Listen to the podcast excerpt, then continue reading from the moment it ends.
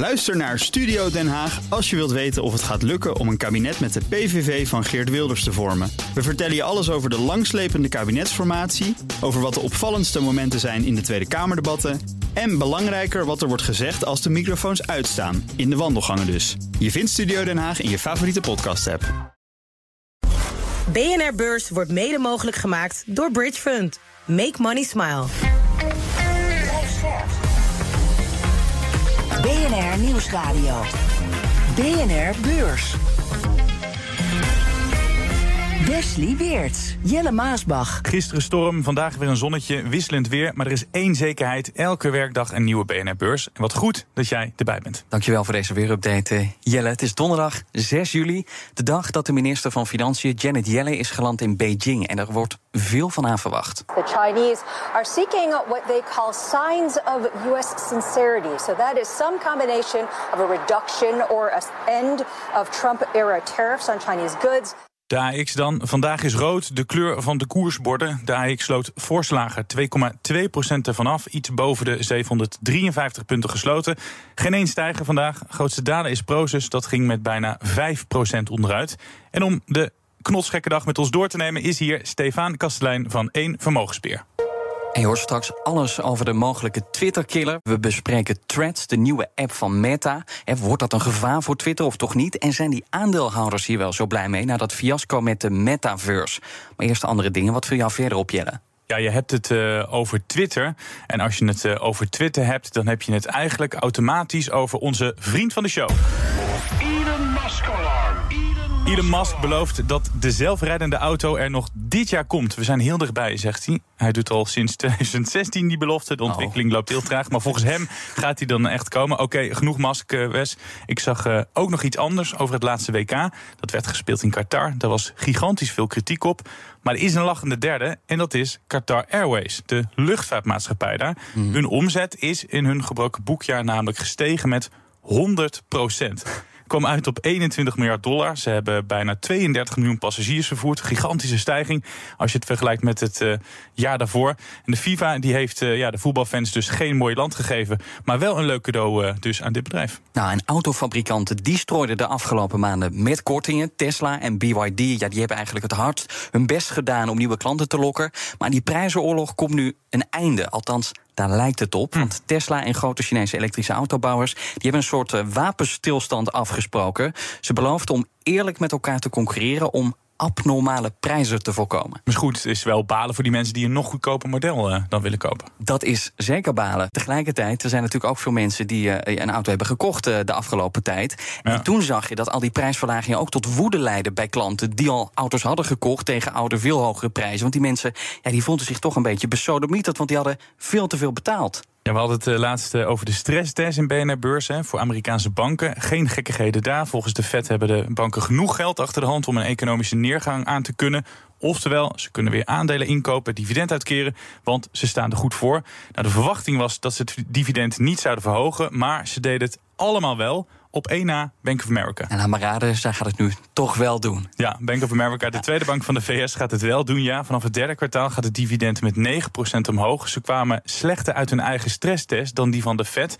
Dus ze twijfelden, maar ze hebben nu dus besloten om het geld uh, uit te geven aan de aandeelhouders. Stefan, is het wel verstandig dat ze dat geld nu gaan uitgeven en uh, niet bewaren voor de zogeheten rainy day? Ja, kijk, de meeste banken hebben toch effectief wel de kans om, om dat te doen. Hè. De, eigenlijk de voorraad of de, de reserves zijn toch wel echt opgebouwd. Dus ik denk dat ze het wel kunnen doen. Ze moeten alleen zien dat ze de overheid en de regelgever het niet, leven niet, ja, of niet te veel tegen de haren strijken. Maar ze kunnen dat wel doen, ja, ze kunnen dat doen. Nou Jelle, ik had het net over de prijzen van auto's. En dan is het eigenlijk maar een heel klein stapje naar de huizenprijzen. Het ene na het andere kwartaal werden de huizen goedkoper. Maar die periode die lijkt alweer achter ons te liggen. Want de prijzen gaan langzaamaan weer wat omhoog. Het aantal bezichtingen neemt weer toe. En ook wordt er vaker overboden. Want ja, de hypotheekrente is gestabiliseerd. De inflatie is aan het afnemen. En de lonen ja, die zijn ook een beetje aan het stijgen. Wat kost een huis uh, gemiddeld nu? Uh, 410.000 euro. Dat is 2,8% meer dan begin dit jaar. Een bedrijf dat door de oprichter werd verzonnen tijdens het afstuderen en nu een van de bekendste AEX-bedrijven is. We bespreken straks of dat aandeel ook voor jou kan werken. 30 miljoen gebruikers in minder dan 24 uur tijd. Die mijlpaal behaalde de nieuwe Twitter-killer van Meta, Threads. Zo heet de dienst en die werd vannacht gelanceerd. En het lijkt in alles hoe het eruit ziet, wat je ermee kan en hoe het werkt op Twitter. Stefan, is dit nou een slimme zet eh, van Meta en topman Mark Zuckerberg, die aanval op Twitter? Ja, Meta is wel een boeiend bedrijf. Hè. Twee jaar geleden stonden we op bepaald moment 350 dollar, vorig jaar onder de 100, nu terug 300. Dus ja, de, de aandeelhouders kijken toch altijd wel uit. Maar de kracht van Meta is toch wel. Meta heeft in feite via alle platformen 2 miljard cliënten. Dat is enorm. Ja. Dus ja, het platform waar zij kunnen op werken is geweldig. En ja, ik denk het wel. Hè. Ik denk dat een verstandige zet is en dat zij heel snel heel veel eh, tractie op dat platform kunnen krijgen. Ja, omdat zij dus al een grote achterban hebben tegelijkertijd... zijn er ook andere Twitter-concurrenten geweest, zoals Mastodon. Ja, dat was geen doorslaand succes. Maar die hadden natuurlijk ook niet die enorme achterban... die Meta wel heeft. Is dat ook meteen het geheime wapen? Ja, absoluut. absoluut. Eh, Ik denk dat het heel moeilijk is om from scratch dit te starten. Maar Meta heeft uiteraard, zoals we weten, via de, de, de Facebook zelf en via Instagram enorm netwerk.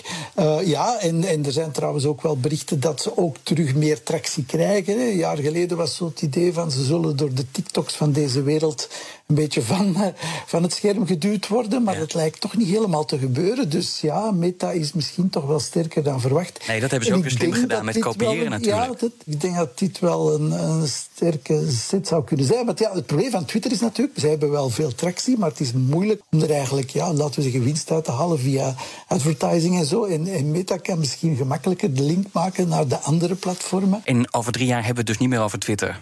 Dan moeten we elkaar uit gaan leggen wat Twitter ook alweer was. Ja, dat eh, is misschien gevaarlijk om dat te zeggen. Ik denk dat zeker uw eh, favoriete Elon Musk dat niet graag zal horen. maar ik denk wel dat, het, eh, ja, dat dit toch wel ernstige concurrentie is. Ja, dat denk ik wel. Maar Zuckerberg die beloofde dat dit jaar het jaar van de efficiëntie moest worden. En Metaverse daar gaf hij miljarden aan uit. Het was echt zo'n zo'n speeltuin. Past dit nieuwe project daar dan wel binnen? Ja, ik denk, ik denk het wel. Inderdaad, wat de metaverse betreft, denk ik dat hij zich inderdaad vergalopeerd heeft. Hè. Ervan uitgaan dat we allemaal in zo'n virtual reality gingen, gingen leven. Maar ik denk dat dit project eigenlijk veel concreter is. Hè. Dit kan inderdaad heel veel tractie creëren in, in combinatie met de andere platformen die Meta heeft. Dus ik denk dat het eh, bedrijf inderdaad in een soort nieuw realisme terecht te komen was, eh, is, was misschien ook wel nodig. Jij bent enthousiast. Als ik jou zo hoorde, ga je zo'n Threads-account aanmaken. Maar denken aandeelhouders daar net zo over? Zouden die ook eh, enthousiast worden? Wel, ik zou durven vermoeden van wel. Ik, ik heb, zoals gezegd, ik heb ook het idee dat, dat we zeggen dat het meta-bashing dat er een beetje aanwezig was en het verhaal van Facebook is voorbij en zo. Dat het toch allemaal wat minder eh, kre- ja, of, ja, concreet is geworden. Vertrekkende van die enorme, enorme, enorme clientbase die er is, dat je toch wel veel kan creëren vanuit, eh, vanuit meta. Stefan, Ja, die dus ik, belangrijkste eh, kritiek op de metaverse was dat er geen geld verdiend werd, maar dat het heel veel geld kostte.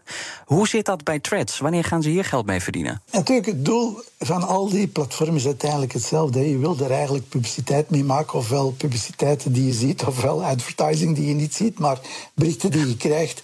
Eh, maar ik denk dat inderdaad zij veel sterker staan om dat gecreëerd te krijgen in link met de andere platformen, hè, met, met in link met Facebook en eh, Instagram en dergelijke meer. Dat zij dat veel makkelijker zullen kunnen dan Twitter zelf. Maar gaan ze hier op korte termijn dan ook geld aan verdienen? Ja, korte termijn is natuurlijk misschien niet, niet, niet zo makkelijk eh, te zeggen. Maar mm, ja, ik, ik, ik zou zeggen, ik denk dat dit toch wel een, eh, een krachtige zet is. Eh, dus ik geef ze het voordeel van de twijfel, ja. Nou, en krachtig zijn ze ook op de beurs op dit moment. Want de koers van Meta ging sinds het dieptepunt in november keer drie. Eh, ja, Meta heeft onder meer flink in de kosten gesneden. Maar welke andere ingrepen eh, hebben ze gedaan... zodat die beurskoers er weer bovenop werd geholpen? Ja, ik denk dat inderdaad een beetje een, een back to reality is. Zoals gezegd, natuurlijk, de koers is inderdaad maal drie sinds het dieptepunt. Maar we staan nog altijd lager dan het hoogtepunt dat we dan in het derde kwartaal 2021 hadden. Dus nog niet eens twee jaar geleden. Dus het is wel, it's been a rough ride. Hè. Eh, Meta blijft ja, toch een van de, van de topbedrijven in de wereld. Hè, behoort tot ja, dat kleine groepje van die absolute topbedrijven ter wereld. En ja, ik, ik denk dat er, eh, zoals altijd, een bepaald moment zo'n overtuiging was dat het te snel en te goed zou gaan. En dan ja, de vrees dat ja, inderdaad Zuckerberg al het geld door deur en ramen naar buiten zou gooien voor zijn metaverse. Dat valt dan in feite ook wel mee. We noteren nu, denk ik, ergens een koerswinst, price earnings van 33. Dat is natuurlijk niet goedkoop. Nee. Maar zeker niet duurder dan, dan Alphabet en, en anderen. Hè. Dus Verwacht je dat die beurskoers de komende maanden nog verder gaat stijgen? Ja, je, je, als je zo gewoon eventjes dat koersverloop verziet van dat dieptepunt van iets onder de 100 nu naar 300 zie je toch wel een, een mooi opgaande lijn. Dus die, die, die all-time high, die was boven de 350, 370 zelfs. Ja, het zou mij niet verbazen dat dat bedrijf dat uh, terug zal halen. Ja. We hadden het er net al over. Mark Zuckerberg is vooral goed in het jatten van dingen. Threads is natuurlijk gejat van Twitter. Stories is nageaapt. Heel Facebook is natuurlijk gestolen van zijn uh, Facebook-vrienden Reels. Um, denk jij dat hij de komende tijd nog iets uh, gaat jatten? ja, dat weet ik niet. Hè. Maar ja, jammer genoeg, laten we eerlijk zijn. Uh, Steve Jobs, de, de iPhone, was misschien ook niet zo origineel. Dus ik denk dat het implementation is vaak belangrijk. En het is vooral ook belangrijk natuurlijk om het netwerk te hebben om iets, uh, te, ja, om iets reëel te maken. En ik denk dat daar Meta toch wel, toch wel krachtig in staat. Dus op zich wel mooi gedaan eigenlijk. BNR Beurs. En dan gaan we naar Wall Street. Alles in het rood. Ook daar de Dow Jones verliest 1,3 procent. De S&P 500 staat een procent lager. De Nasdaq uh, ook een procent teruggelopen. En uh, op Wall Street ging het vandaag over banen, banen, banen. Want de loonstrookjesverwerker ADP kwam met het banencijfer. En die was opvallend. I got 497,000. I got a double take number here that you have to look at and say, is this right? That's the number ADP providing. Je hoort het goed, 497.000 nieuwe banen erbij in uh, juni. De arbeidsmarkt. Half miljoen. Ja, half miljoen. De arbeidsmarkt draait dus echt wel als een zonnetje. Dat, uh, dat kunnen we wel zeggen. Dat is geen goed nieuws voor iedereen die geen nieuwe renteverhoging wil. Ja, al lijkt het sowieso wel dat er renteverhogingen aankomen. Meerdere zelfs, blijkt uit de, de notulen van de Fed. Nou, ik wil TSMC er nog uh, uitpikken. Want begin deze week sloeg China terug in die chipoorlog met het Westen. Het land legde toen export, de export aan banden van twee belangrijke metalen. Die zijn cruciaal voor het maken van chips. Nou, dat deed China onder het mom van de nationale veiligheid. Maar die maatregel kan wel bedrijven raken. Hè, ASML, daar hebben wij toen in die uitzending over gehad. Maar datzelfde geldt voor de Taiwanese chipmaker TSMC. En die laatste dus, TSMC, die laat nu van zich horen, heeft gereageerd op die Chinese exportbeperkingen. En de chipmaker verwacht geen problemen. De productie wordt niet geraakt, zegt TSMC. En die boodschap uh, die stelt beleggers ja, toch niet helemaal teleur. Afgaand op de beurskoers van TSMC uh, staat nu 1,8% lager. je had het net over Meta. Daar had ik het over. Hoe reageren. We zouden het bijna vergeten. Daar wordt ook op gereageerd. Ja, staat nu lager, 0,3 procent in de ah. min. Maar ze hebben de afgelopen dagen wel uh, ja, de weg omhoog ingezet. En nog even een andere opvaller die ik eruit wil pikken. Ik had het net ook al over Tesla. Komt waarschijnlijk dus een einde aan die prijzenoorlog. En dat uh, aandeel dat staat nu anderhalf procent lager. BNR Beurs. Je hoort het. Tijd voor de zomerserie. Deze week hebben we het over familiebedrijven op de beurs. Bedrijven waar de familie nog veel aandelen bezit, veel macht heeft of nog steeds de scepter zwaait. En dit keer hebben we het over Randstad. Een uitzendbureau dat in 1960 werd bedacht door een economiestudent, Frits Goldsmeding, tijdens een afstudeerscriptie en door de jaren heen uitgroeide tot een bekende naam. Ben jij zo'n jong meisje dat vrij wil zijn, dat zelf wil uitmaken wanneer ze wil werken? Pak dan Randstad. Voor dagen, weken, maanden, fijn en goed betaald werk. Randstad Uitzendbureau. Randstad Uitzendbureau. Ja, inmiddels behoort het tot de grootste uitzendbureaus van de wereld. Dat vorig jaar meer dan 660.000 mensen dagelijks aan het werk hielp. Met een eh, jaaromzet van dik 27 miljard euro. Stefan, knap dat dit bedrijf uit een uh, scriptie is ontstaan. Ja, het is inderdaad wel een, een heel mooi bedrijf. Het is uh, ja, bijna een soort ja, zoals uh, Apple ooit gestart is in, in de garage bij Steve Jobs. Ja, die is toch wel om heel veel sympathie voor te hebben. Er zijn trouwens nog voorbeelden van dat soort bedrijven in Nederland. Hè. kijk naar Just die Takeaway en dergelijke. Ja, het zijn mooie verhalen. Ja. Wel een behoorlijk conjunctuurgevoelig bedrijf. ben je fan van het aandeel of zeg je nou een uitzender die wil ik liever niet in portefeuille hebben. Ja, ik moet eerlijk zeggen, wij hebben het niet in portefeuille nu op dit moment, omdat uiteraard, ja, dat is niet, niet geen groot probleem of geen groot geheim. Hè. Uitzendarbeid is inderdaad relatief conjunctuurgevoelig en de conjunctuur is aan het verzwakken. Alhoewel de Amerikaanse arbeidscijfers dat eigenlijk nu toch vandaag opnieuw niet hebben weergegeven. Hè. De, de, die recessie wil eigenlijk maar niet komen. En ik denk dat dat ook gedeeltelijk iedereen wel wat zenuwachtig maakt. Maar toch, ja, normaal gezien, inderdaad, mag je toch verwachten dat uitzendarbeid toch moeilijker zal worden in de, in de nabije toekomst. En, en ja, daarom tot nader order hebben we het aandeel niet in portefeuille, ook al is het niet duur. Hè. Het noteert eigenlijk aan een koerswinstverhouding van een goede 10 heeft ook een heel mooi dividendrendement, een heel rendabel bedrijf. Het zit wel op de watchlist, uh, om, om eerlijk te zijn. Maar ja, om voor zo'n bedrijf om eigenlijk ja, de, de target te krijgen van echt hoger te gaan, zal er toch wat meer vertrouwen moeten zijn dat de conjunctuur ja, zal mogelijk kunnen herstellen. Maar jij zegt dus ook net tussen neus en lippen door... wij zijn somberder omdat we minder verwachten uh, van dat uitzendwerk. Kijk, het, het, lijkt toch wel relatief onvermijdelijk. Hè? Zoals zegt die recessie, we zijn er allemaal met z'n allen eigenlijk al een hele tijd op aan het wachten... en ze wil zo niet echt komen. Maar logischerwijze zou ze er toch wel moeten komen. En, of toch in ieder geval een, een lagere groei. En lagere mm -hmm. groei betekent ja, toch dat er minder...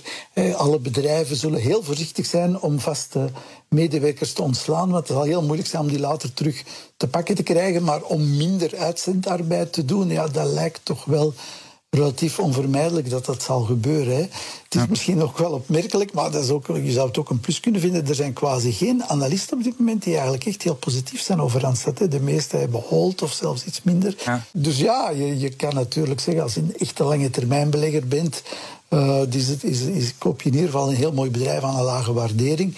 Maar de meeste beleggers zoals wij en ook anderen, ja, die kijken toch tot ze die, die trendomkeer zien. Uh, en die zie ik nog wel niet, nee. Goldsmeding heeft vandaag de dag als 89-jarige nog altijd een derde van alle aandelen. Is het ondanks of dankzij uh, zijn macht zo gegroeid? Ja, kijk, in de vraag zijn familiebedrijven of, of, bedrijven waar de familiale aandeelhouders belangrijk zijn, is dat een plus of, of een min? Is dat in mijn ogen duidelijk een plus. Er zijn heel veel voorbeelden, ook in België, van bedrijven waar de families op zeer lange termijn in zitten. En die bedrijven doen het op lange termijn inderdaad zeer goed. Juist omdat men natuurlijk niet, ja, plicht, uh, of niet afhangt van die cijfers van, van kwartaal tot kwartaal. De families kijken op lange termijn, investeren op lange termijn en kijken ook naar de resultaten op lange termijn en laten zich minder leiden door ja, wat er van kwartaal tot kwartaal gebeurt, wat natuurlijk op de beurs vaak wel belangrijk is. Dus het feit dat je vaste familiale aandeelhouders hebt, is uh, een, positief punt op lange termijn voor de aandelen. Maar natuurlijk, ja, op korte termijn uh, kan, dat, uh, kan dat niet veel helpen, om zo te zeggen. Het is niet dat je goede aandeelhouders hebt, het aandeel op korte termijn zal stijgen als de conjunctuur uh, tegenwerkt. Zijn er in België eigenlijk veel mooie beursgenoteerde familiebedrijven die je kan noemen? Ja, de mooiste voorbeelden zijn eigenlijk holdings. Hè. Dus familiale holdings zoals GBL, dus van de familie Frère, Sofina, familie Boel, Brederode, de familie Van der Meers. Dat zijn eigenlijk allemaal inderdaad families die hun holding, hun totaal patrimonium op de beurs hebben gebracht. Juist met de bedoeling om familieleden die eventueel willen uitstappen, de kans te geven om uit te stappen aan, aan een objectieve prijs, de beurskoers. Maar ondertussen kan je dus eigenlijk als kleine belegger mee profiteren. En je kan als het ware de rijken voor je laten werken. En dat blijkt ook wel dus dat die holdings op lange termijn zeer mooie rendementen hebben. We hebben daar bij een vermogen trouwens een studie over gemaakt. Dus dat is heel goed. Maar bijvoorbeeld periodes zoals nu, dat de markt wat zenuwachtig is, um, is het op korte termijn niet zo goed geweest. Hè. Dus het is een beetje vergelijkbaar zoals met uh, Randstad. Op lange termijn heel goed, maar op korte termijn hoeft dat niet noodzakelijk positief te zijn. Nu hadden Wes en ik het uh, gisteren over uh, Walmart. De, uh, de Waltons hebben de helft van de aandelen. Hier heeft de oprichter Goldsmeding een derde van de aandelen. Is het wel wenselijk dat die, dat die oprichters nog zo'n vinger in de pap hebben? Nog zoveel aandelen? Of maakt dat niet zoveel uit voor, voor jou als belegger? Het percentage zelf maakt vaak niet te veel uit. Hè. Meestal inderdaad met een derde wil toch zeggen dat je eigenlijk als puntje bij paaltje komt toch wel de zeggenschap hebt. Maar zoals gezegd, in mijn ogen is het een positief punt. Als, als families belangrijke aandeelhouders zijn en de strategie op lange termijn bepalen en ook kijken op lange termijn, zich minder laten ja, leiden door de waan van de dag. Er zijn heel veel studies die aangeven dat familiaal gedrijven, eh, geleide bedrijven op lange termijn heel mooie rendementen geven. Stefan, ik zie wel nog een klein risico. Want uh, ja, als je zo'n familiebedrijf hebt, dan kan ik me ook voorstellen dat die wat conservatiever zijn. Zeker als uh, de, de, de, kleinkinderen ondertussen aan het roer staan. Die willen natuurlijk niet het werk van, uh, van vader of opa kapot maken. Dus zijn dit soort bedrijven ook vaak wat conservatiever dan normale beursbedrijven? Ik denk dat er toch wel veel voorbeelden zijn van bedrijven die effectief zichzelf wel kunnen heruitvinden. En dat is inderdaad iets dat ieder bedrijf moet doen. Hè. Omgevingsfactoren veranderen, dus je moet jezelf kunnen heruitvinden. En bijvoorbeeld in België, die holding die ik net genoemd heb, Sofina, die, die was ooit bekend als de schone slaapster op de beurs van Brussel, omdat hij weinig actief was. En toch nu is Sofina een investeerder in, in, jonge start-ups, uh, ook in, uh, in, in groeibedrijven, onder andere in Indië en dergelijke meer. Dus heeft bijvoorbeeld in 2021 zeer mooie resultaten gehaald. Maar zoals gezegd, nu ja, dat toch een beetje vrees voor de conjunctuur en een beetje vrees of, of, of de rentestijging bepaalde groeibedrijven zal, zal raken. Nu doet het aandeel het minder goed. Hè, maar dus op zich, ja, die hebben zich toch wel mooi kunnen heruitvinden eh, en, en dat lange termijn track record toch behouden. Dit was de donderdag voor nu. Kijken wat de vrijdag ons brengt. Shell komt dan met een handelsupdate, maar die gaat over meer dan alleen cijfertjes. Beleggers hopen erin meer te lezen over de nieuwe plannen van Shell. Shell maakte al bekend dat het vol blijft inzetten op olie en gas, want daar valt het meeste te verdienen. Shell doet dat om het aandeel zo aantrekkelijk mogelijk te maken en trekt daarvoor alles uit de kast. Oil giant Shell announcing a dividend boost. Naast een dividendverhoging wil Shell efficiënter gaan werken en beter op de kosten letten. Ook nieuws over de Amerikaanse arbeidsmarkt. Die doet het nog altijd veel beter dan gedacht. Vorige maand kwamen er bijna een half miljoen nieuwe banen bij, meldt loonstrookverwerker ADP. En nu krijgen we de officiële cijfers van de overheid. Dan weten we echt hoe de Amerikaanse arbeidsmarkt ervoor staat. En dat is belangrijk voor het rentebeleid van de Fed. Tot zover de donderdag, onze uitzending van donderdag. Dankjewel, Stefan Kastelein van Eén Vermogensbeheer. Morgen vrijdag, dan hebben we onze vrijdageditie. En dan roepen we altijd op tot één ding. Namelijk sturen van vragen. Ja, precies, bnrbeurs.bnr.nl. Doe dat snel, 24 uur de tijd. BNRbeurs Mag ook spraakberichten zijn. De, graag zelfs. En complimentjes mag ook een keer door. Ja, maar, ja dat mag. Maar liever een vraag. Ja, liever een vraag. Of allebei. Tot morgen. Tot morgen. BNR Beurs wordt mede mogelijk gemaakt door Bridge Fund. Make money smile. Ook Hugo Reitsma vind je in de BNR-app. Superhandig die BNR-app. Je kunt alle programma's live luisteren, breaking nieuwsmeldingen. Je blijft op de hoogte van het laatste zakelijke nieuws. En je vindt er alle BNR-podcasts, waaronder natuurlijk de belangrijkste, Boeken zijn in de wijk. Download nu de gratis BNR-app en blijf scherp.